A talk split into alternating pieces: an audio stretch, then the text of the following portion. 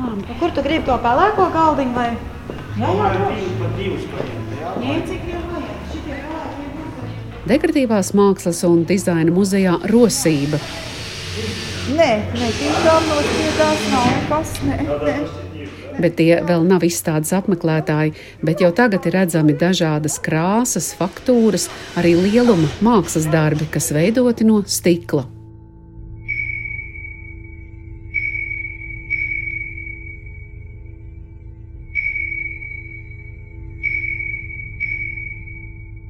Gaismas skulptūra, trausla, bet arī mūžīga. Stikla māksliniece un dizainere Anna Munkevica aicina uz izstādi pārmijas.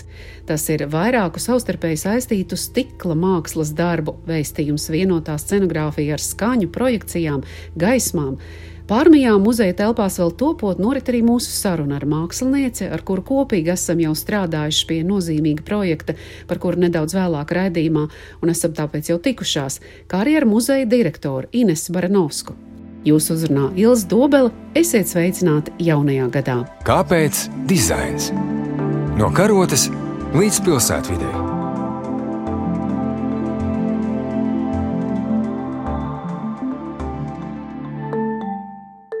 Ikdienas stikls ir ap mums, logi, detaļas interjerā, starpsienas, arī griezti un grīdas, ūdens glāze vai skaists dekoratīvs interjera priekšmets, dzidrs ar faktūru, krāsains un dažādu formu, lielu izmēru mākslas darbi vidē un ēkās, kā arī nelieli formas darbi. Pie tā ikdienu strādā Anna Munkevica pašas dibinātā uzņēmumā AM Studio, bet stikls viņas un viņas komandas biedru rokās pārtop arī mākslas darbos. Un, lai gan jaunu mērķu noteikšanai dzīvē nav nepieciešama tieši gada mija, izstāde pārmijas ir atklāta gada sākumā, un tajā var saklausīt dažādas noskaņas. Kā skan tavs stikls? Skaņa un stikls. Šī tāda jautājuma es negaidīju, jo vismazāk droši vien, kad es asociēju stiklu ar skaņu, tiešā veidā skaņu. Jo, ja stiklam ir skaņa, tad tur nav kaut kas labi. Bet, ja mēs tādā filozofiskā plāksnē, jā, tad, protams, tas drīzāk ir kaut kas scenogrāfiski simfonisks, varbūt ārprātīgi traks vai pat līdz minimumam minimāls, kad ir tikai viena stīga. Tās pārmijas man ir atnākušas pašas par sevi, īpaši pēdējie divi gadi. Viņi ir likuši daudz ko pārdomāt. Pārmijas patiesībā ir aicinājums jebkuram skatītājam apstāties un padomāt, uz kuru pusi mēs nosveramies vairāk. Jo ir šī varas pasaule, Excel tabula pasaule, ir kārtības pasaule, un ir otra puse, kas ir uh, sirdsbalss, mīlestība palīdzību vienam pret otru. Un patiesībā šī izvēle ir jāizdara katru brīdi, vienalga, kur mēs būtu. Man vienmēr šī izvēle ir, cik daudz tu esi cilvēks, jebkurā satiksmē. Un šis stāsts tajā muzejā patiesībā nav par stiklu. Stikls ir materiāls, kurā es strādāju, dzīvoju, domāju, ar kuru es protu rīkoties. Es ceru šo laiku, bet tas ir drīzāk aicinājums katram skatītājam, kurš šeit ienāk, pajautāt sev, kur es esmu un ko es daru un kā es pieņemu lēmumus. Tās ir vērtību pārmīs. Pārmīs ir šis starposms. Tā, nu vai pieturas punkts iespējai kaut ko mainīt parūkoties citādi. Tieši tā, tas ir pieturas punkts, iespējai kaut ko mainīt. Tas visu laiku ir jautājums pašam sev. Mēs esam kustībā, nepārtraukti, kamēr esam dzīvi. Mēs esam kustībā, jo, ja mēs nekustamies, tad mēs principā mirstam. Jā, nu, kaut vai iekšēji, garīgi. Un tai galvai un sirdī ir jākustās. Un kā tu tās esi salikusi? muzeja telpā. Es jau kādu laiku atpakaļ sāku strādāt pie tādas skulptūras sērijas, saucās Laika varā. Tie ir mani pēdiņās zirgi. Tas nav animalistiskais zirgs, bet tur ir melnie zirgi. Kas vairāk simbolizē vīrišķo, spēcīgo, aktīvo, drosmīgo, bet tāpat laikā viņi arī ir pietiekami abstraktas, metaforiskas formas, kas ir kā laika zīmes, kā cilvēka dzīves ritms, jeb kardiogramma, sākot, kur skulptūra ir pilnīgi sakļauta no nulles, piedzimstot. Tā arī sākās pirmā skulptūras sākums, pēc tam ir jaunība, kad viņš nedaudz atverās, spēkbriets, īrišķīgais, izējot cauri šiem dzīves dažādiem posmiem, līdz beigās nogurušais, jeb lemesis. Un šī melnā figūru grupa tiek izlikta centrālajā baznīcas daļā. Gribu teikt, baznīca, tāpēc, kad tas arī īstenībā ir svarīgi. Bet, nu, šī arī bija baznīca. Jā, es zinu, bet es pat nesaku izstāžu zāli šajā mhm, gadījumā mhm. runājot. Tātad šī ir kā cilvēka dzīves kardiogramma caur šiem melno zirgu metaforu, kas vēl Šoreiz esmu paņēmusi vēl arī papildus gan skaņas, gan video elementus, lai skatītājs arī gan taktili, gan arī caur rādu līdz kaulam varētu sajust to manu vēstījumu.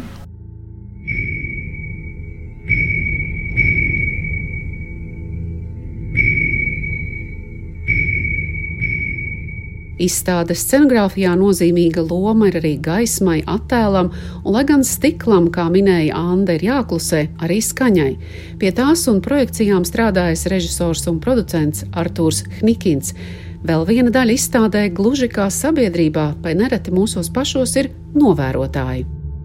Novērotājs tas ir kaut kas, kas ir malā stāvošs. Viņš novēro, viņš analizē, viņš skatās, bet viņš diemžēl nepiedalās šajā pārmīļu procesā. Un tas aicinājums ir piedalīties tajā procesā. Tad otra daļa ir baltie zirgi, kas ir savukārt vairāk mierīgie, mātišķie, sievišķīgie, kas ir šie gaismu nesošie, mīlestības pildītie, kas ir balti, tēlēni. Un trešā daļa ir zilie zirgi, kas ir kā cerība, kas tomēr ir vienmēr līdzās mūsu dzīvēm, kamēr vien kustamies. Tas būs izlikt lielos tādos atzaros, zilos. Šī ir tā, tā centrālā grupa, laika vērā, kas patiesībā sastāv no trīs šīm apakšsadaļām. Tā ir viena daļa. Starp citu, man ļoti patīk, ka tā izstāžu zāle ir iepriekšējā jūra baznīca. Es domāju, ka viņai tas spēks ir vēl joprojām arī šobrīd.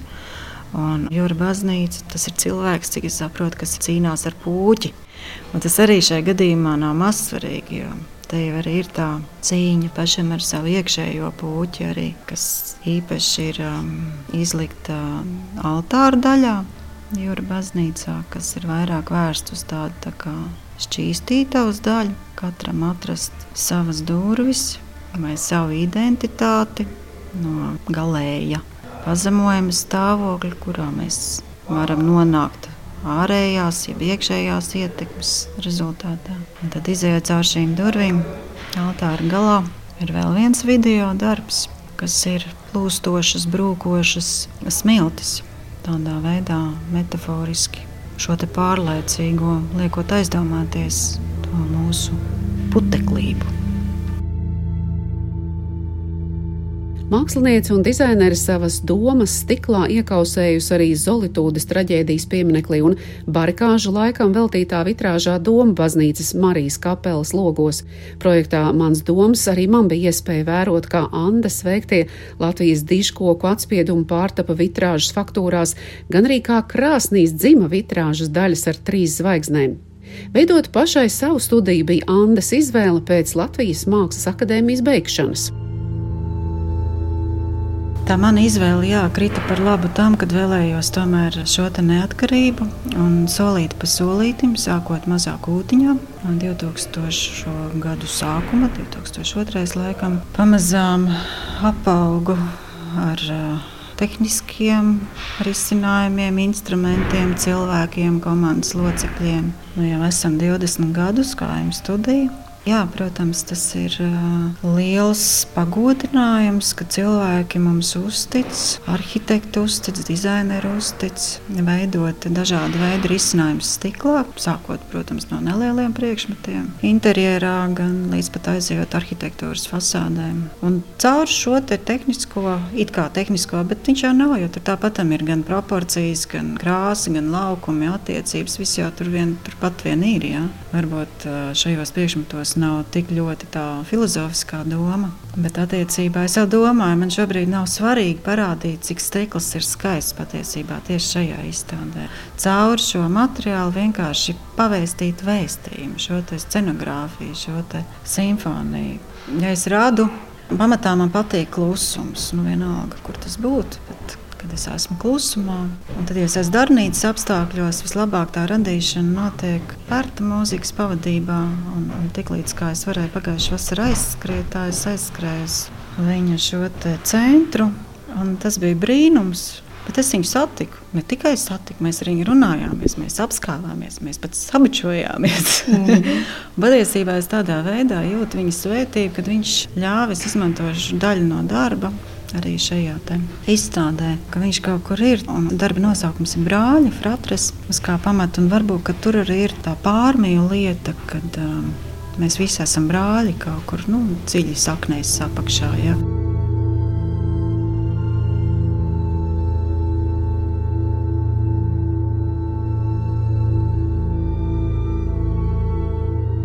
Stikla dizainā strādā arī Anna Angela, kā arī Amsterdamā strādājušais latviešu dizainers Germans Ermičs, turpina dekoratīvās mākslas un dizaina muzeja vadītāja Inese Baranovska. Stikla ražošanai ir vajadzīga spēcīga stikla bāze, kurā mums Latvijā šobrīd principā nav. Un, ja mēs runājam par tādiem zināmiem stikla māksliniekiem Latvijā, kuri tomēr mums ir un tradīcijas arī ir no profesora Vilberga laikiem, un varam skatīties vēl tālāk. Bet, lai radītu kaut ko laikmetīgu un jaudīgu, ir tiešām vajadzīga ļoti pamatīga tehniskā bāze. Ja jūs nokļūtu AM studio darba telpās, Ziedlējās, tad jūs saprastu, ka tā ir maza fabrika. Radoši strādājot visdažādākajās tehnoloģijās, bet uh, ir vajadzīgs arī milzīgs finansējuma ieguldījums.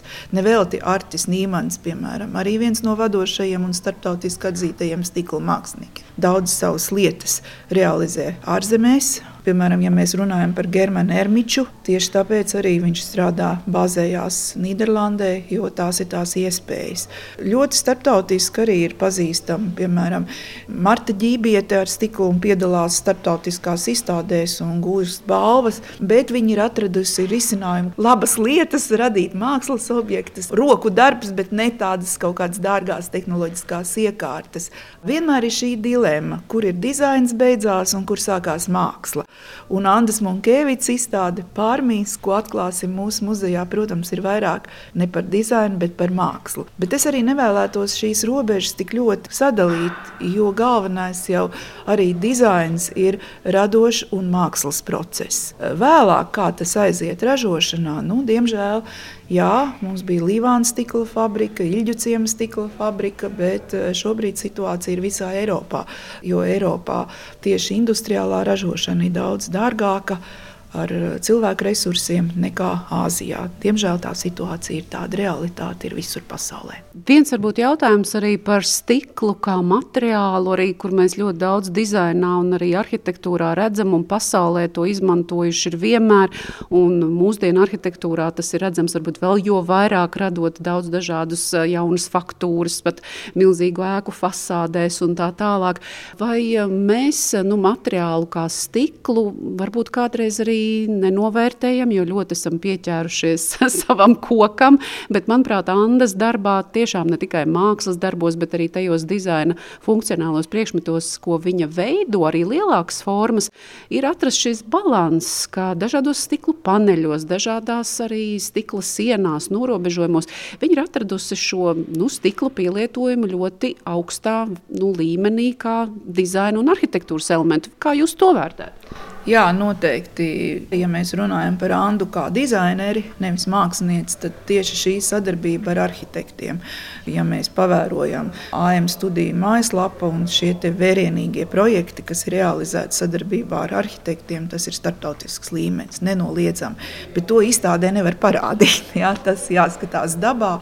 Manuprāt, stiklam ir milzīgs mūsdienās potenciāls. Protams, tas nav lēts prieks. Jā, Bet tā ir mūžība. Mēs priecājamies par stikla vitrāžām viduslaiku baznīcās, arī šo jauno vitrāžu, kur līdzautori ir Anna Munkevica Doma baznīcā un arī mūsdienu interjeros. Es, piemēram, jau starptautiski runāju, nu, tas ir brīnišķīgs projekts Islandē, Harpas koncerta zāle, Olafūra Eliasona projekts. Bet tas nekad nebūs lēti kā kaut kādi standarta betona bloki. Tas ir kaut kas unikāls. Tā arī ir savā veidā māksla, māksla mūžībai. Strādājot ar uh, dizaineriem, liekas, ka dizainam jābūt tādam racionālam, bet tomēr visi dizaineri tiecās arī uz šo māksliniecisko pusi un sevi apliecināt kā mākslinieku. Vai mēs runājam ar Arthuru Rīņķi, Valdi Celmu, tad, tad eh, mūsu senioriem vai arī jauniem dizaineriem, Arthuru Analtu Un es neredzu tajā visā kaut kādu disonanci. Un varētu teikt par Andu, kad viņa tā kā sēž uz diviem krēsliem. Ir šī ražošana, tā realitāte, jo viņa dod darbu 40 cilvēkiem. Tā ir rūpnīca maza. Tas ir milzīgs potenciāls. Nu, neviens cits Latvijā tā nestrādā. Tas ir nopietni. Ļoti, jo tā ir arī atbildība par šiem cilvēkiem. Viņa dod iespēju strādāt meistariem, kuri būtu palikuši vispār izmest uz ielas, kad Līvāns aizliedza, kad aizliedza kombinātu mākslu.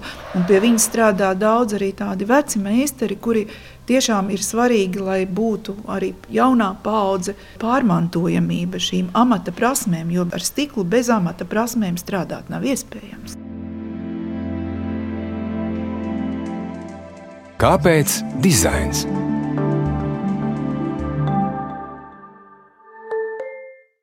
Anna vairāk kārt uzsver savas komandas darbu. Vislielākā pateicība, protams, ir visiem iesaistītajiem komandas cilvēkiem, gan no M studijas, gan no dizaina puses. Visiem, visiem, visiem. Es nevaru pat saskaitīt, viņi ir noteikti pāri pa 50 cilvēki. Tas nav viena cilvēka darbs. Bet stikls nu, ir tas materiāls, kas apvieno sevī šīs ļoti pretējās īpašības. Viņš ir elitārs, jo viņš ir dārgs savā ražošanas procesā, viņš paņem tavu laiku. Visu, viņš paņem sviedrus, asins, viņš ir trausls, viņš ir viscietākais, viņš ir vissmagākais materiāls. Viņš nepiedod nevienu kļūdu, un īstenībā viņš ir mūžīgs materiāls. Tāpēc, kad viņam nekas nenotiek, ja vien viņu nesaplēš. Pēc Ineses Baranovskas domām izstāde pārmijas ir par radošu cilvēka racionālo prātu un emocijām refleksijas par piedzīvoto un paveikto. Andai šis pašizteiksmes līdzeklis ir stikls, jā, un viņa šajā stiklā principā ir tik varoša, robežu nav. Viņi ir izcili zīmētāji. Un tad, kad ir pasūtījums, viņi var būt dizaineri. Un, manuprāt, izstāde ir tieši laikā un tieši reizē, jo arī skatītājam pastīties, ka stikls var būt ne tikai greznuma lieta, skaists priekšmets uz plaukta vai interjerā, bet stikls arī var paust ļoti tādas mūsdienu, ļoti nopietnas, spēcīgas, emocionāli spēcīgas pārdomas un domas. Un šis te Andas vēstījums ir tiešām, kas skar jebkuru no mums, ja tikai nu, tas skatītājs ir gan atvērts un gatavs iejusties. Mākslā arī jābūt šajā brīdī dziedinošai, emocionāli uzrunājošai. Noteikti tas ir ļoti svarīgi. Izstādē būs redzams arī portrets cilvēku acis, un kas eh, nereti nu, stiklā varbūt nav manītas tik bieži. Arī zinu, ka tev ir veidots tava tēva portrets stiklā. Vai šis arī ir tavs tētis, kas nolūkosies uz mums? Redz, katram cilvēkam ir sākums, ir pamats. Un, uh, šis ir tas mīlestības pamats, kas ir mans argeņģeļi. Tas ir tēvs un māte. Man ir laimējies jā, ar ģimeni, ar, ar vīru, ar bērniem un tēvu māti īpaši. Šie ir mani sargeņģeļi, mamma un tētis. Stikls tomēr ir gaismas skulptūra, un man liekas, ka tas ir tas virziens, kad tu iekapsulē to gaismu, un tur ir tas vēstījums, tur tas jādabūj mm -hmm. ārā. Jā.